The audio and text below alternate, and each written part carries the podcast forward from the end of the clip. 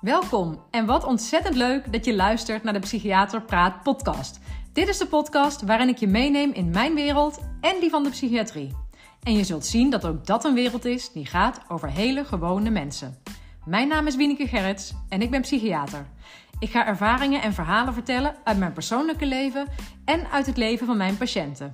Laat je raken, inspireren, motiveren of gewoon een hart onder de riem steken.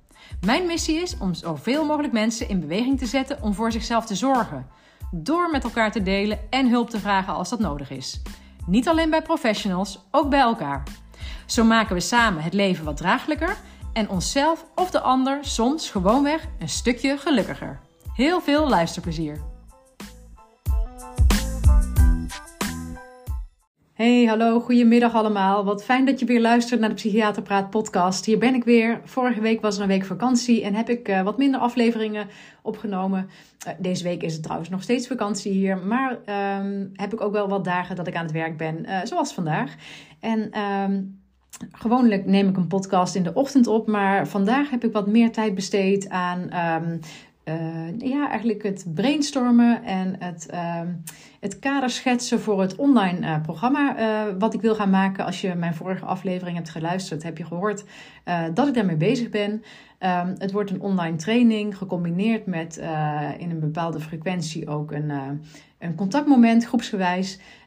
ja, dus met videomateriaal en opdrachten. En ja, ik ben druk bezig om daar de contouren van te schetsen om het steeds concreter te maken. Daar heb ik heel erg veel plezier in. Um, maar daardoor even een wat latere podcast vandaag. Uh, en om te beginnen, de aanleiding voor het onderwerp van vandaag is eigenlijk de situatie waar ik zelf in zit. Uh, namelijk dat mijn man vandaag met de kinderen naar de Efteling is, samen met een vriend met ook weer zijn kinderen. En um, ik nam er ook al een uh, kort filmpje over op wat op Instagram staat. Misschien heb je dat al gezien. Maar uh, een paar jaar geleden zou ik dat echt uh, heel erg verdrietig hebben gevonden. Uh, dat ik dan daar niet bij was. Want dat was namelijk de realiteit. Dat, nou ja, de Efteling was dan sowieso helemaal een brug te ver. Zelfs naar de speeltuin om de hoek lukte eigenlijk niet om mee te gaan. Maar ik kom dus uit een situatie dat um, er heel veel ehm, gelegenheden waren waar ik niet bij kon zijn of waar ik niet met mijn kinderen mee naartoe kon. dat mijn man heel vaak alleen met de kinderen op stap ging. Uh, en ik bijvoorbeeld thuis bleef. En uh, dat was allemaal door mijn beperkingen, door mijn heupprobleem. En dat was ongelooflijk frustrerend. Ik, uh, ik, ja, ik, eigenlijk, ja, mijn gezin staat gewoon op nummer één. Dus dat vind ik het allerfijnste en het belangrijkste om daar uh, mijn tijd aan te besteden. naast mijn werk natuurlijk, wat ik ook hartstikke leuk vind. Maar ja, mijn gezin staat wel op nummer één. Dus dat, uh, ja, dat was eigenlijk hartverscheurend voor mij uh, vaak om, uh, ja, om zeg maar achter te blijven eh, in mijn eentje. En, en dat, was, ja, dat was voornamelijk, vond ik dat verdrietig voor mezelf. En ik vond het voor mijn man ook erg vervelend, want dat was ook best wel zwaar voor hem om dat zo veel alleen te moeten doen. Um, ja, dat. En dat we, dat ook niet, dat we daar niet samen van konden genieten. En terwijl voor de kinderen, die hebben daar, in mijn beleving, uh, hoe ik daarnaar kijk, eigenlijk weinig onder geleden. Want uh, ja, die waren natuurlijk als ze thuis waren dan ook weer wel bij mij. En dan hadden we het ook heel erg fijn. En ik was dan ook altijd beschikbaar voor ze, zeg maar, emotioneel ook beschikbaar. Ik denk dat zij niet per se geleden hebben onder het feit dat ik niet met dat soort uitjes vaak meeging. Um, maar ja, ik zelf eerlijk gezegd wel. En um, ik was zo blij vandaag om te merken dat ik dat verdriet vandaag niet meer voelde.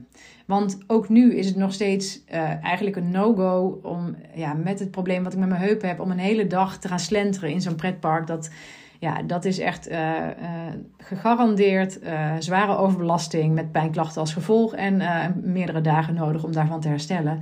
En dat is het mij eigenlijk niet waard. Maar dat is nou juist ook de mooie transformatie die ik zelf heb doorgemaakt. Als ik uh, ja, dus kijk naar een paar jaar geleden, dat ik vooral uh, echt dagelijks tegen allerlei frustraties aanliep. Dingen die niet konden of niet konden zoals ik het had gewild. En dat gaf me dan verdriet of daar werd ik boos van of wat dan ook. Uh, en dat is nu eigenlijk, ja, die frustratie is eigenlijk nou, zo goed als weg. En dat komt dus omdat ik op de, een, ja, ik wou zeggen op de een of andere manier, ik weet al wat daarvoor nodig is geweest en wat voor een proces ik ben doorgegaan. Maar uh, het is dus gewoon zo dat ik me inmiddels weet te verhouden tot mijn lichamelijke klachten of beperkingen. En dat me dat niet meer frustreert, maar dat ik, daar, uh, dat, ik dat gewoon aanneem als ja, de realiteit. En dat ik mijn leven daaromheen ook weer heb aangepast. Ehm, ja, op een, tot op een niveau waar ik heel erg tevreden over ben. En dus vandaag uh, was ik eigenlijk gewoon vrolijk. En was ik blij dat zij een leuke dag hadden met elkaar. Vond ik het niet erg dat ik daar niet bij ben. Uh, kan ik er ook echt naar uitkijken dat ze straks weer terug zijn. En uh, met alle verhalen die ze dan mee zullen brengen. En, en had ik ook gewoon tijd voor mezelf. En heb ik ook dus fijn wat tijd aan mijn werk kunnen besteden. En nu ook deze podcast. En wat is dan het thema wat ik daar een beetje uit wil pikken? Want er valt zoveel over te vertellen. Maar ik dacht, ik ga vandaag wat uitgebreider in op uh, coping. En coping is dus eigenlijk je probleemoplossend vermogen. En ik weet niet, voor sommige mensen is het misschien gewoon een heel bekend begrip. Maar ja, als dat niet zo is, dan kun je misschien denken: ja, probleemoplossend vermogen, wat heeft dit nou met elkaar te maken? Um, dat is eigenlijk, tenminste, ik gebruik het uh, als een heel breed begrip. Uh, gewoon hoe ga je om met uh, moeilijkheden, uh, met tegenslagen, met kleine problemen, belemmeringen, maar ook met grote emotionele problemen. Dus zoals waar ik net zelf over vertelde. Hoe ga je om met als het even niet mee zit? Als het anders is dan je wilt. Ja, en als het zelfs pijn doet, dat kan ook. Um, en daar hebben we eigenlijk allemaal wel onze manieren voor. En ik, je kunt dat eigenlijk heel grofweg indelen in drie grote categorieën. Die, die coping. Uh, het ene is eigenlijk ervoor weggaan van het probleem. Dus het probleem uit de weg gaan of ervan weglopen, figuurlijk. Ja, dat kan ook heel letterlijk zijn trouwens. Maar vermijding wordt daar ook wel voor, uh, over genoemd. Of vluchten. Uh, dat is de ene categorie. Dat, ja, daar hebben, bedoel, eigenlijk hebben we allemaal daar ook wel wat van. En soms kan het overigens ook heel erg adequaat zijn, heel slim zijn om dat even te doen, om ergens van weg te lopen, letterlijk. als er ergens uh, een, uh, een, gevecht gaande is en uh, jij staat daarnaast, dan kun je waarschijnlijk beter weglopen om jezelf te beschermen. Maar dat kan dus ook um, gewoon in dagelijkse problemen zo zijn. Um, ja, misschien kom ik er zo op wanneer het je gaat belemmeren. Ik benoem eerst eventjes de drie categorieën. Um, de andere is het dus eigenlijk uh, ja, bevechten, fight, zou je kunnen zeggen, maar het actief aanpakken, uh, er tegen ingaan, um, het, het, tegendeel bewijzen. Dus eigenlijk heel erg in een actiestand om het probleem ja, ofwel te overschaduwen of ongedaan te maken. Het ja, actief te gaan oplossen, er naartoe te gaan. Uh, dat is het andere. En um, de derde is eigenlijk erin meegaan. Dus eigenlijk niet wegrennen of niet bevechten, maar uh, ja, uh, gedwee met de situatie meegaan. Uh, dus ook niet oplossen, het ondergaan eigenlijk. Dat zijn drie hoofd, ja, richtingen, drie hoofdstromingen waarin, waar onder je verschillende copinggedragingen kunt, um, kunt scharen. En op zich is coping en probleemoplossend vermogen is eigenlijk in zekere zin iets heel positiefs. Dat is namelijk wat we doen als we iets tegenkomen wat onhandig is of niet praktisch of een probleem is. Dus het is heel belangrijk dat we daar allemaal onze strategieën voor leren. En er zijn heel veel manieren die gewoon heel positief en helpend zijn voor jezelf. En um, even kijken of me nu even heel snel een uh, probleem te binnen schiet ja, ik, op de een of andere manier krijg ik alleen maar hele luchtige voorbeelden in mijn hoofd. Want, terwijl er natuurlijk ook hele zware problemen te verzinnen zijn. Maar um, als je bijvoorbeeld uh, met het openbaar vervoer wil reizen en het is ongelooflijk druk uh, en je past bijna niet meer in de trein, alle stoelen zijn bezet, um, dan is dat uh, zogezegd een klein probleem. En dan kun je bijvoorbeeld juist daar gewoon in meebewegen door te denken: Nou, weet je wat, ik stap wel in die trein, het is wel te druk, ik heb geen zitplaats, ik ga gewoon staan, maar ik onderga dat even. Dus dat is die laatste categorie die ik bedoelde. Dat je eigenlijk meegaat in de situatie en daar niet te veel een probleem van maakt of het niet groter maakt dan dat het is. En ook gewoon weet van: Nou ja, er, is ook een einde hieraan en dan uh, ga ik weer verder. Um, dat kan dus gewoon heel adequaat zijn, heel helpend. Heb je er weinig last van en dan kun je gewoon daarna weer door. Um, maar je kunt je voorstellen dat er naast dat coping heel erg helpend kan zijn, dat het ook tegen je kan gaan werken. Uh, of misschien kun je je dat niet voorstellen, maar dan zal ik daar ook wat voorbeelden van geven.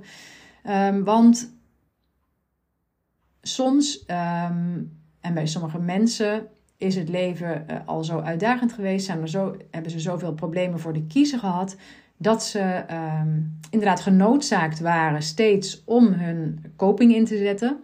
En dat die misschien op een, in een bepaalde fase van hun leven heel erg adequaat was, maar op een later leven juist dwars gaat zitten. Daar wil ik het eigenlijk over hebben. En ehm, misschien kun je me niet meer volgen, maar dan ga ik dit even stap voor stap eh, ga ik je daar weer in meenemen. En dan ga ik even nadenken over een voorbeeld uit de praktijk van een van mijn patiënten, waardoor ik, eh, om het juist ook wat een, wat zwaarder voorbeeld te noemen, maar misschien ehm, dat dat wat duidelijker uh, uh, een voorbeeld is voor je. Um, ja, laat ik het voorbeeld nemen van, van fysieke mishandeling, van huiselijk geweld, van een ouder naar een kind. Helaas komt dat voor. helaas komt dat best veel voor. Tenminste, ja, subjectief misschien, maar ik vind dat veel. Ik heb veel mensen gezien die daar slachtoffers van zijn geweest. En um, om dan weer even bij het voorbeeld te blijven van het meegaan in het probleem. Kijk, en dan stel ik, um, dus fysieke mishandeling is een probleem. Fysieke mishandeling is fout, mag niet gebeuren. Um, maar, en dan in dit geval, in het voorbeeld, gaat het dus om iemand die dan kind is.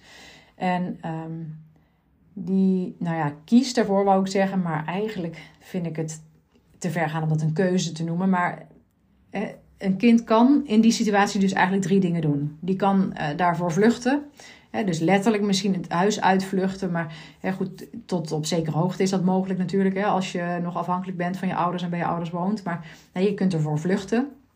Uh, je kunt terugvechten. Nou, is ook vaak uh, Delphi het onderspit als kind. En je kunt dus in de situatie meegaan. En dat laatste zie je bijvoorbeeld best wel vaak. Waardoor het kind zich eigenlijk niet verzet, uh, niet weggaat en het laat gebeuren als het ware. Um, omdat uh, het ook heeft geleerd misschien wel dat het dan het snelste ophoudt. dus toch die klappen on, uh, opvangen en ontvangen. Um, het ondergaan in de wetenschap dat het dan eerder voorbij is dan wanneer je zou terugvechten. Of wanneer je gevlucht zou zijn en het later drie keer zo hard over je heen krijgt. Dus het kan zijn dat het voor een mens, voor een kind in dit geval, op kinderleeftijd de meest adequate reactie is om mee te gaan in de situatie, om zich niet te verzetten. En als dit het, uh, het geval is, dan gaat deze persoon natuurlijk ouder worden en op een gegeven moment wordt het een volwassene. En dan zou het kunnen zijn dat deze copingstijl, dus dit meegaan in de situatie, zijn dominante copingstijl wordt. Ook in situaties later in het leven die eigenlijk daar niet om vragen of waarbij dat minder gepast is. En dan kan iemand daar dus echt last van gaan hebben. Dan uh, is hij eigenlijk minder weerbaar uh, voor nou ja, problemen die van buiten afkomen. En, uh, even kijken of ik daar makkelijk een voorbeeld van eh, kan verzinnen. Nou ja, ja, dat kan eigenlijk kunnen zoveel verschillende dingen zijn. Maar als je, sorry, je dominante copingstijl is geworden dat je je eigenlijk niet verzet en niet vlucht en niet terugvecht, figuurlijk allemaal, hè, en gewoon meegaat in de situatie, dan kan het zijn dat andere mensen daar uh, eigenlijk ja, misbruik van maken. Misschien niet eens intentioneel, maar er eigenlijk over je grenzen heen gaan. dan ben jij misschien altijd degene die overvraagd wordt. Omdat je je toch niet verzet. Omdat je toch ja en amen zet, zegt. Dan ben je misschien uh, bijvoorbeeld altijd degene waar mensen bij komen als ze iets nodig hebben, hulp nodig hebben of zo. Uh, en jij zegt toch altijd ja. Of op je werk ben je altijd degene die het langste blijft werken, omdat de rest zegt: jongens, het is klaar het is vijf uur, ik ga naar huis en jij ruimt de laatste werkzaamheden nog op. Um, maar het kan ook in relaties ook meer zitten in dezelfde hoek als uh, wat je als kind had. Dat je bijvoorbeeld, als je als kind mishandeld werd, dat je later ook relaties krijgt waarbij je ook, nou ja, kan dus ook fysiek, maar kan misschien ook emotioneel mishandeld wordt. En waarbij je dus ook, ja, doordat je copingstijl zo is ontwikkeld, ook minder goed bent om dat te weerstaan. Of ja, om dat eigenlijk uh, uit de weg te gaan. Um, dus uh, de manier van coping bij jou die dominant is, um, is heel vaak een resultaat, uh, of ja, is eigenlijk altijd denk ik, ja, een resultaat van je opvoeding en de dingen die zijn gebeurd in je leven, vroeg in je leven. En um, als je een, een, een veilige opvoedsfeer hebt gehad en niet te veel dramatische dingen hebt meegemaakt, heb je dat waarschijnlijk heel evenwichtig ontwikkeld. Heb je ook uit die verschillende stijlen um, ontwikkeld. En kun je, er, kun je daar een keuze uit maken uh, op je volwassen leeftijd. Van nou, nu, nu zet ik deze in. Hè. Nu, nu ga ik een situatie uit de weg en nu pak ik hem aan. Of nu ga ik gewoon even mee. Ehm, maar als je in een onveilige sfeer bent opgegroeid, of je hebt ernstige uh, dingen meegemaakt, die, uh, zoals mishandeling bijvoorbeeld, of verwaarlozing, of pestgedrag, dat soort dingen, traumatiserende zaken, dan, ehm, dan kan het je op latere leeftijd echt gaan dwarszitten. En um, kijk, het kan ook, want ik noemde bijvoorbeeld al een van de dingen, als je bijvoorbeeld gebest bent op jongere leeftijd. ja, dat is ontzettend schadelijk voor iemands ontwikkeling. Um, en daarbij zie je ook vaak dat, uh, nou ja, ook dat, dat inschikkelijke zie je dan vaak, dat ondergaan. Maar het kan ook zijn dat je heel erg bent gaan vluchten. Het heel erg uh, het sociale contact uit de weg bent gegaan. En dat kan dat, heel erg bent gaan vermijden. En dat kun je dan op volwassen leeftijd ook uh, nog steeds terugzien als dominante copingstijl. En dan kan het zijn dat jij voornamelijk bent gaan vermijden, uit de weg gaan. En daar zijn um, dat, dat kan zich op allerlei manieren uh, uiten, zeg maar. Dat kan op allerlei manieren kun, kun je dat doen. Kun je dingen uit de weg gaan. Dat kan dus door letterlijk uh, bijvoorbeeld sociale contacten uit de weg te gaan. Maar je kunt ook de narigheid, de problemen die narigheid veroorzaken, die kun je ook uit de weg gaan door het bijvoorbeeld te dempen. Uh, bijvoorbeeld te dempen met alcohol. dus heel veel mensen die een vermijdende copingstijl hebben, vermijden ook het probleem en de negatieve gevoelens die daarbij horen, of de negatieve gedachten, door bijvoorbeeld te gaan dempen met alcohol of andere middelen. Dus dat is een van de voorbeelden die, die iets zeggen over die copingstijl van het voornamelijk het vluchten, het vermijden. Even kijken of ik nog iets kan verzinnen. Um, op de copingstijl. Ja, het overcompenseren, het, het, het aanpakken. Op zich is, uh, kan actief een probleem aanpakken gewoon heel goed zijn, heel helpend zijn. Dus dat, dat, dat wil ik wel benadrukken. Um, ook hierbij, van het kan heel goed helpen. Maar um, het kan ook zijn dat je ongemakkelijkheid en uh, problemen die je tegenkomt in het dagelijks leven ook gaat overcompenseren. Dus dan betekent het eigenlijk ook dat je geen ruimte maakt voor, um, voor je eigen gevoel erbij. Voor iets wat je misschien heel onaangenaam vindt of iets wat je moeilijk vindt. Maar dat je je groter maakt eigenlijk dan dat je jezelf voelt. Um, je ziet dat bijvoorbeeld um, terug bij iemand die eigenlijk uh, ja, van binnen heel onzeker uh, zich voelt. En het heel uh, spannend vindt om uh, publiekelijk iets te doen of iets te zeggen. Of om, om bekeken te worden. En die dan bijvoorbeeld bij een, uh, als die op het werk of zo, ik noem maar wat, een presentatie moet geven.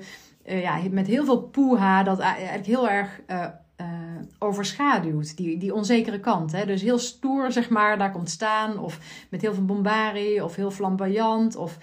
Um, of heel theatraal of zo, zeg maar. Een beetje doen alsof er niks aan de hand is. En uh, daarmee dat probleem. Want ik kan me voorstellen dat, dat jullie um, misschien ook nog wel afvragen: van wat bedoelt Wieneke nou precies met een probleem? Uh, de, daarom leg ik, licht ik dat soms nog even toe. Uh, in dit geval is het probleem, zeg maar, het eigenlijk angstig zijn voor een beetje podiumvrees hebben, bijvoorbeeld. Uh, dat noem ik dan het probleem, want dat roept uh, angstige gedachten op, of, uh, of gevoelens op, of gedachten over van, oh, ik ga tekortschieten, oh, of ik ben hier helemaal niet goed genoeg voor, of ik kan dit helemaal niet, wat zullen ze wel van me denken? Nou, allemaal van dat soort gedachten. En dat je die dan heel erg gaat overschreeuwen, eigenlijk door heel erg. Um, ja, heel, te doen alsof het je heel makkelijk afgaat en je een beetje op te blazen. En op zich is het natuurlijk nooit erg om dat af en toe wat ehm, af te schermen. Helemaal, niet iedereen hoeft dat ook per se te zien, maar het kan zijn dat je daar uiteindelijk zelf last van krijgt. Want dat is namelijk waar het meestal over gaat. Dat, um, nou, ik heb het al een paar keer benoemd, maar die coping die komt eigenlijk op een moment, of die, die dominante copingstijl, die ontwikkel je um, dus op, vanuit jonge leeftijd. Door het leven wat je meemaakt, hè, de dingen die je meemaakt en uh, ook hoe de belangrijke mensen, uh, de sleutelfiguren in jouw jeugd, hoe die met jou omgaan. En zolang dat dus uh, nou, gemiddeld genomen of zo hè, uh, veilig en oké is, dan zul je ook um, gezonde copingstijl ontwikkelen en zal je daar allemaal niet zoveel last van hebben. Maar als jij veel narigheid meemaakt, of er is slecht met jou omgegaan, of je hebt, zeg maar, het kan ook gewoon iets zijn wat jou niet is aangedaan, maar bijvoorbeeld dat je op jonge leeftijd veel mensen hebt verloren die belangrijk voor je waren, hè, die zijn overleden, dat je um, uh, vaker dus verlaten bent, letterlijk, dan kan het dus zijn dat dat um, beïnvloedt hoe je vervolgens later naar je leven kijkt. Uh, of nou naar je leven kijkt, dat zeg ik eigenlijk niet helemaal goed. Maar het kleurt een beetje de bril waardoor je naar um, het leven kijkt. Dus om dat voorbeeld te nemen, als, jou, als jij uh, gewoon belangrijke mensen, of één belangrijk mens, maar hè, als je verlieservaringen hebt op jonge leeftijd, dan um, ben je misschien wel je heel erg gaan vastklampen aan de mensen die er nog wel waren, die ook belangrijk voor je waren. En ben je misschien ook wel heel angstig geworden om die te verliezen en ben je dat ook gaan, gaan overcompenseren.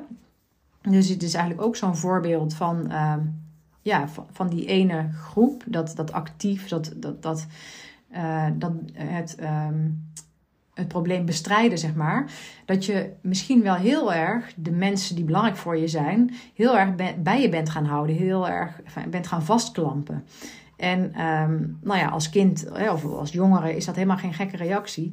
Maar als je volwassen wordt en uh, je krijgt bijvoorbeeld relaties of vriendschappen en collega's, uh, uh, teamgenoten dan, uh, als je je dan heel erg gaat vastklampen aan deze personen, dan uh, kan het je wel eens dwars gaan zitten. Want het kan wel eens een averechts uh, resultaat geven. Hè? Dat mensen dat eigenlijk heel naar vinden. En dat die gewoon denken van, hè, laat me eens even een beetje, geef me eens even wat vrijheid. Of laat me eens even los. Dit is veel te veel. Veel te veel. Dus dan kan het effect zijn dat mensen misschien juist um, meer van je wegbewegen. Terwijl dat exact het tegenovergestelde is van waar je naar verlangt. En... Um, dus um, ik, ik heb een heleboel verteld over coping. Ik heb uh, verteld dat daar grofweg drie categorieën van zijn. Ik heb gezegd dat, er, uh, dat coping eigenlijk een hele uh, ja, positieve kenmerken van je zijn. Hè? Dat, dat je die nodig hebt om met de grillen van het leven om te gaan. En ik heb ook verteld dat um, het soms door omstandigheden, uh, vaak op jongere leeftijd, dat het kan zijn dat je een copingstijl hebt die je op volwassen leeftijd minder dient, die eigenlijk meer in de weg zit. En wat ik vaak zie in uh, uh, mensen met wie ik werk, is dat begrip krijgen van hoe zo'n copingstijl is ontstaan, eigenlijk de sleutel is tot, um, tot, tot verandering. Want eigenlijk is dat wel uiteindelijk wat je wil. Hè, uh, dan moet ik misschien weer nog even een stapje terug gaan. Heel veel mensen komen bij mij omdat ze uh, er tegenaan lopen dat ze, nou ja, onder de streep, zeg maar, het leven wat ze op dat moment leiden niet fijn vinden. Of onderdelen van hun leven niet fijn vinden. Omdat het niet loopt zoals ze willen. En dat kan zijn omdat er ook daadwerkelijk uh, gebeurtenissen zijn in het leven die uh, echt weer even, die weer veel vragen van de uh, souplesse van iemand hè, om zich aan te passen. Maar het kan ook zijn dat er niet per se iets gebeurt, maar dat het leven gewoon niet. Um, dat, ze het leven, dat het niet lukt om het leven vorm te geven op een manier die hen tevredenheid uh, geeft. En uh, hè, dus vaak zijn mensen ongelukkig of ontevreden en willen ze dat er verandering komt.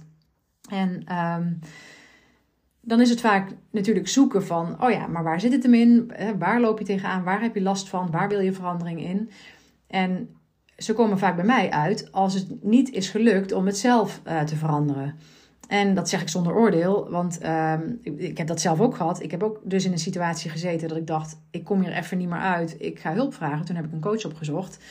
Um, dus om maar even meteen het voorbeeld te geven, ik, ik oordeel daar niet over. Hè, maar mensen komen dan bij mij omdat het ze zelf niet lukt. En dat heeft vaak te maken met dat de, de copingvaardigheden die ze hebben voor dat moment niet toereikend zijn. Uh, betekent helemaal niet dat het helemaal foute boel is bij iemand, maar op dat moment hebben ze gewoon niet zelf de tools in handen of hebben ze niet het inzicht om um, iets te veranderen. En dus heel vaak gaat het daar ook over van hey, hoe pak jij de dingen aan? Wat zijn zeg maar je interventies op jezelf, op je eigen leven, waardoor je het fijner wil maken? En um, nou ja, als je dan daarnaar kijkt en als je ontdekt hoe iemand uh, omgaat met de problemen die hij tegenkomt, dan, en ook als we ook, dan ook ontdekken waar, het, uh, waar de schoen enigszins wringt, dan kan het wel heel erg helpen om terug te gaan naar van, oh maar waarom doe jij de dingen zoals je ze doet? Hè? Snap je dat van jezelf? Om maar eens een voorbeeld te nemen, is ook uh, bijvoorbeeld een vrouw die ik nu uh, in coaching heb, die, um, even kijken waar ik hem aanvlieg die loopt er nu heel erg tegenaan dat ze een gezinssituatie heeft die veel van haar vraagt. In de zin van dat zij veel zorgtaken heeft uh, voor, voor het, meerdere personen in het gezin.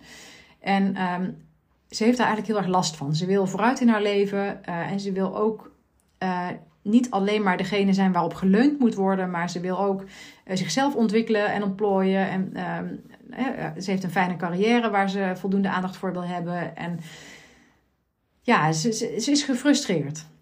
En toen ik met haar aan het werk ging, toen kwamen we er eigenlijk achter dat het een soort van herhaling was van een situatie waarin zij op jongere leeftijd had gezeten. Toen zij juist wel de jongere was in het gezin, maar meerdere gezinsleden daar waren die ook uh, hulpbehoevend waren of steun zochten.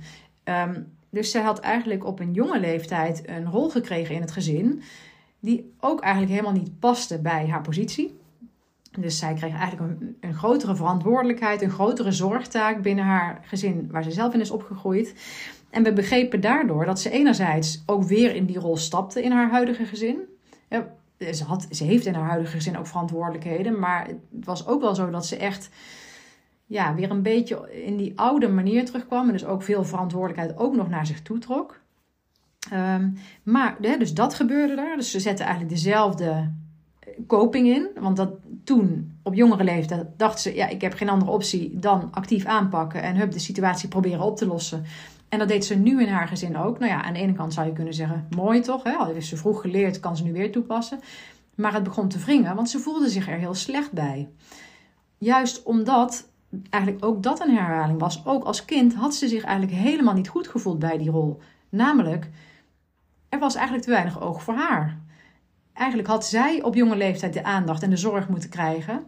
Ehm, die kreeg ze minder, omdat uh, ook de opvoeders in dat gezin dat niet konden geven, of minder konden geven. En dat had ze toen dus gemist. En ze moest zelfs dus iets erbij doen wat eigenlijk niet bij haar hoorde, namelijk het heel erg zorgen. En dat begon nu op volwassen leeftijd te wringen. Want ook nu voelde ze weer van, ja, maar ik heb ook behoefte aan aandacht. Ik heb ook behoefte aan dat ik mijn kop af en toe kan laten hangen. Of ik heb er ook behoefte aan dat er iemand is die ook naar mij omkijkt. En nou was zij niet zozeer hulpbehoevend, maar zij wilde ook ja, die warmte en zorg krijgen af en toe. En toen we dat begonnen te begrijpen, toen kon zij ook beter zien wat ze in het hier en nu aan het doen was. Dat, alsof dat, dat kwartje beter viel. Ehm, dus inzicht kan heel goed helpen uh, bij het uiteindelijk tot verandering komen. En dat is dus eigenlijk wat ik heel vaak doe. Dat, heb ik al, dat doe ik dus al jarenlang uh, uh, met de patiënten met wie ik werk. En dat doe ik nu ook met mensen die ik coach. Van, je kijkt eigenlijk van wat is de situatie nu? En dus je zou kunnen zeggen, ja, mensen komen natuurlijk bij mij vanzelfsprekend omdat ze een probleem ervaren. Nogmaals, de definitie van het probleem eh, kan natuurlijk heel verschillend zijn, hè, maar ze komen bij mij vanuit een situatie die ze onwenselijk vinden. We gaan kijken van, oké, hoe ziet die situatie eruit? Wat heb je tot nu toe gedaan om daaruit te komen? Uh, en blijkbaar is het nog onvoldoende tot tevredenheid uh, opgelost, dus je komt mijn hulp vragen. Ik kijk mee van, oké, wat, wat heb je tot nu toe gedaan? En hoe kunnen we begrijpen dat je dat tot nu toe op die manier hebt gedaan? En wat is er voor nodig om te veranderen? En wat is er voor nodig om te veranderen? Inzicht. Er is inzicht nodig, want pas dan kun je met bewustzijn, zeg maar, kun je bewust gaan kiezen om af en toe andere keuzes te maken. En om nog maar even terug te keren bij het voorbeeld dat ik net besprak van deze vrouw, die dus eigenlijk uh, in haar stamgezin, waar ze in is opgegroeid, als in haar huidige gezin, wat ze zelf heeft gesticht, ehm, een rol kreeg waarin ze zich uiteindelijk niet prettig voelde. Zij is eigenlijk meer gaan experimenteren of gaan uitproberen. Van, nou, ten eerste om te kijken van hoe kan ik überhaupt meer ruimte maken voor mezelf. Dus niet altijd in het zorggat springen, maar ook kijken van waar kunnen we die hulp misschien soms van buiten krijgen, waardoor zij gewoon zelf vrije tijd had. Uh, hoe kan ze het gesprek hierover aangaan uh, met haar partner, maar ook met andere belangrijke mensen in de omgeving? Um, hoe kan ze uh, de verantwoordelijkheid weer meer verdelen in plaats van alleen maar zelf op zich nemen? Um, nou ja, ik, ik, wil niet te veel in detail treden, dus moet het een beetje bij deze algemeenheden houden. Maar zij is dus heel erg gaan zoeken van hoe kan ik eigenlijk me minder, minder weer die steunpilaar in mijn eentje zijn, zoals ze ook op jonge leeftijd had ervaren. En hoe kan ik er meer voor zorgen dat ik en die verantwoordelijkheid veel meer deel, maar ook dat ik zelf veel meer aan mijn trekken kom. In de zin van hè, dat ik ook gewoon mijn ruimte heb, mijn aandacht krijg en uh, dat er ook warmte naar mij toe gaat. Um, dus dat is wat ik eigenlijk uh, heel vaak um, met de mensen met wie ik werk doe. En dat is ook wat ik zelf heb ondergaan. Dus nu komt weer even het cirkeltje rond om weer terug te gaan bij het Efteling verhaal en dat ik niet meeging ik heb hier ook in moeten leren. En um, mijn dominante copingstijl is denk ik die van het aanpakken. Of denk ik, dat weet ik zeker. Ik, ik ben niet iemand uh, die, die vlucht voor moeilijkheden of problemen. Ik ben niet iemand die stil blijft zitten en denkt: nou ja, als ik maar stil blijf zitten, dan gaat het vanzelf voorbij. Nee, ik ben iemand die vooral actief aanpakt. En um, overschreeuw ik mezelf? Nou, ja, zo zie ik het zelf eigenlijk niet. Um, en ik ben ook niet in mijn jeugd heel erg beschadigd geraakt op dit vlak. Dus het is niet zo dat ik een dominante copingstijl heb die mij altijd dwars heeft gezeten. Uh, zo zie ik het niet ik heb een redelijk evenwichtig uh, pakket aan uh, copingstrategieën. Maar ik heb dus wel gemerkt, toen ik zo in mijn beleving althans extreem werd uitgedaagd, hè, door mijn heupprobleem, ik eigenlijk op alle vlakken in mijn leven moest bijschakelen. Ik kon en niet de moeder zijn zoals ik het me voor had gezien. Ik kon en niet de partner zijn zoals ik me voor had gesteld. Ik kon en niet de werknemer zijn waar ik me aan had gecommitteerd, ook met mijn contract, maar ook intrinsiek met mijn eigen motivatie. Ik kon en niet de vriendin zijn uh, van uh, mijn vrienden om me heen. Ja, eigenlijk op, op ieder vlak zeg maar, van mijn leven kon ik niet doen of zijn waar ik me op had ingesteld. En dus ik probeerde flexibel te zijn, maar dat gaf dus heel veel frustratie. En wat probeerde ik te doen? Ik probeerde actief aan te pakken. Ik ging uh, keihard mijn best doen uh, in de fysiopraktijk om de oefeningen te doen die nodig waren. Um, ik, ik zocht naar allerlei manieren actief om mijn werk toch vol te blijven houden. Dus hoeveel verschillende werkplekken en vormen ik wel niet heb uitgeprobeerd binnen mijn baan, zeg maar, binnen, onder het dak van mijn werkgever. Enorm veel. ik bleef manieren zoeken om toch uh, ja, activiteiten tussen aanhalingstekens, want zo actief was het niet, maar om dingen te blijven doen met mijn partner, uh, met mijn kinderen en zo. Ik, ik, ik ging steeds heel erg in de aanmodus, in de actieve modus. En ik heb daar ook inzicht in moeten krijgen. En tenminste, op een gegeven moment begon dat me op te breken. Toen begon ik te merken van, hé, hey, mijn accu raakt leeg. Dus ik raak op. En ik, ik, ik, ik, kreeg ook steeds minder creativiteit eigenlijk daardoor. Ik raakte een beetje uitgeblust. En dat was ook zo'n moment dat ik me realiseerde van... hé, hey, ik, uh, mijn gereedschap is op. Ik heb van alles geprobeerd, maar ik weet niet meer hoe het wel moet. En um, dus dat zei gewoon, en ja, tenminste, ik zag het zelf heel erg zo van, ja, ik heb de copingstrategieën die ik in huis heb, heb ik uh, ja, tevoorschijn gehaald, heb ik uitgeprobeerd, ben ik mee aan de slag gegaan. Maar het werkt niet. Ik loop me steeds, ik, ben nog steeds overbelast, ik heb nog steeds pijnklachten en ik kan nog steeds een heleboel dingen niet doen. Nou, dat was dus het moment eh, dat ik dacht, aha, okay, toen had ik het inzicht, maar toen heb ik wel hulp gezocht om me te helpen begeleiden van, oké, maar hoe ga ik hier dan uitkomen? Want ja, het is toch zo dat, um, ja, ik, ook ik en men doet wat hij gewend is. En het is niet altijd zo dat je dan als vanzelf ook maar weer nieuwe dingen kan verzinnen. Dus ik had ook hulp nodig om me nou ja, ideeën te geven, zeg maar. Om uh, voorbeelden te krijgen van uh, misschien kun je het zo doen. Of misschien überhaupt ook nog mijn inzicht te vergroten. Want ik noem het nu wel eventjes heel erg alsof ik het heel duidelijk overzie. Maar toen ik daar middenin zat, overzag ik het denk ik nog niet eens. Toen zag ik nog niet eens dat op hoeveel momenten van de dag ik die copingstijl inzette. En op hoeveel momenten ik eigenlijk bijvoorbeeld ervoor moest kiezen om gas terug te nemen en juist uh, ja, minder actief aan te staan. Dus ik heb, um, dat is ook echt gewoon waar ik, um, wat me steeds duidelijker wordt. Dat ik denk, ik heb nou jarenlang gewerkt als psychiater. En daar heb ik heel veel mensen geholpen die dus vastliepen in hun leven. Um, en vastliepen, uh, nou ja, omdat ze dus gewoon over het algemeen uh, ja, gewoon zich slecht voelen. Zeg maar, Dus heel somber zijn of heel angstig zijn. Of gewoon uh, ja, het leven echt niet leuk vinden. En niet uh, al een beetje aansteller, maar gewoon echt nou ja, heel, heel veel psychisch leed hebben, psychisch, psychische pijn hebben. Daar heb ik heel veel mensen mee geholpen. En dus dat heeft me heel veel ervaring opgeleverd in ja, het omgaan met de moeilijkheden in het leven. En dat zijn dus ook mensen die vaak een, ja, hoe moet ik het zeggen? Ja, ik wou zeggen, een moeilijke jeugd hebben gehad. Dat is een beetje zo'n zo'n zo'n uh, ja, zo'n term. Maar goed, in ieder geval hè, mensen die vaak echt wel grote uitdagingen slash slecht behandeld zijn op jonge leeftijd. Um, maar nu in mijn coachingpraktijk zie ik ook mensen die misschien niet allemaal, of hè, allemaal niet, niet zo'n zo ernstige zaken hebben meegemaakt in hun jeugd. Maar waarbij ik toch echt dezelfde patronen terugzie in een andere mate. Maar de combinatie met het feit dat ik zelf dus ook echt zo heb gemerkt dat ik ook heel erg vastgelopen ben, dat maakt echt dat ik uh, nu denk van, oh ja, maar dit wil ik verder gaan uitrollen. Uh, ik kan het nu naast mijn ervaring als psychiater ook nog eens echt vanuit mijn eigen ervaring uh, aankleden. Dat ik denk, ja, maar dit wil ik doorgeven.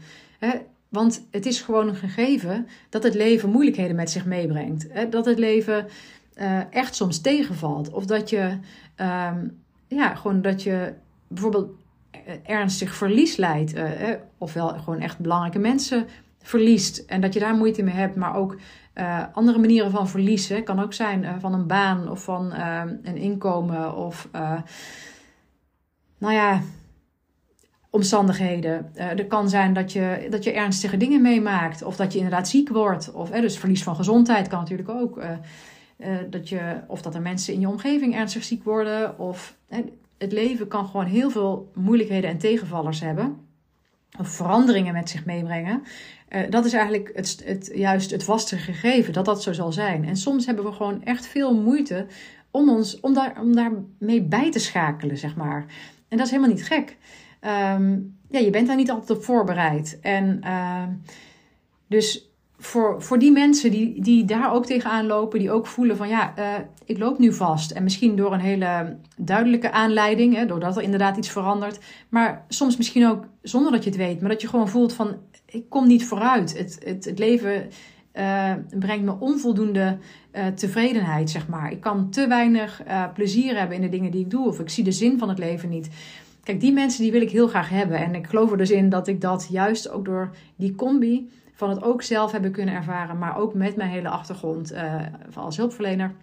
Dat ik daar uh, ja, echt uh, een bijdrage kan leveren in, ja, in ons land, in Nederland, in de mensen die mij weten te vinden. Um, dus als je nieuwsgierig bent ook naar dat online trainingsprogramma wat ik ga opstellen, wat een combinatie is dus ook met, uh, met coachingsmomenten. Als je daar nieuwsgierig naar bent, stuur mij dan een e-mail naar info.wienikegerrits.nl. Want ik ga een, uh, een lijst bijhouden van geïnteresseerden. diegenen die dan op die lijst komen, die ga ik als eerste informeren als dat programma klaar is. En ik heb ook bedacht van nou, degene die dus nu al aangeven van uh, daar heb ik mogelijk interesse in. Uh, je zit dan trouwens nergens aan vast. Hè. Je kunt op het moment dat het dan beschikbaar komt altijd beslissen of je wel of niet mee wil doen. En dan komt er ook meer inhoudelijke informatie. Maar de mensen die uh, zich nu al melden daarvoor, uh, heb ik bedacht van die gaan ook een korting krijgen op uh, de prijs die het dan gaat kosten. Dus nou ja, dat kan ook een reden zijn om misschien alvast daar een mail over te sturen. Nou, voor vandaag ga ik hem weer afsluiten. Ik wil jullie hartstikke bedanken voor het luisteren. Super leuk dat je er weer was. Um, ja, nee, ja, dat was het eigenlijk gewoon. Ik, uh, ik ga hem echt afronden. Ik weet niet wanneer ik er deze week weer ben, maar er gaat uh, vast en zeker nog een aflevering volgen. En hopelijk zie ik je dan weer terug. Of hoor ik jou dan weer terug. Oké, fijne dag nog. Tot ziens.